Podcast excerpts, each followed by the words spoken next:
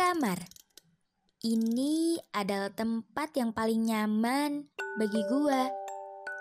Tempat yang selalu gua jadiin pelarian di saat gua udah lelah banget menghadapi kerasa hidup di luar sana. Ya, kamar adalah tempat ternyaman untuk melakukan berbagai hal.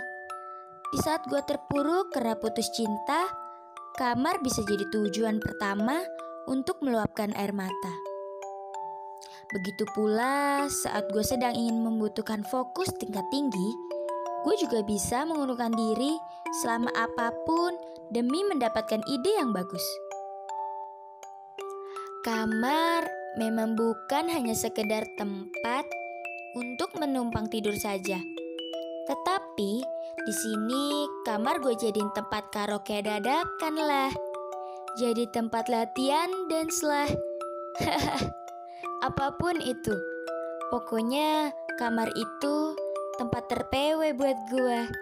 Kalau kalian, kamarnya dijadikan apa? Apakah sama seperti gue?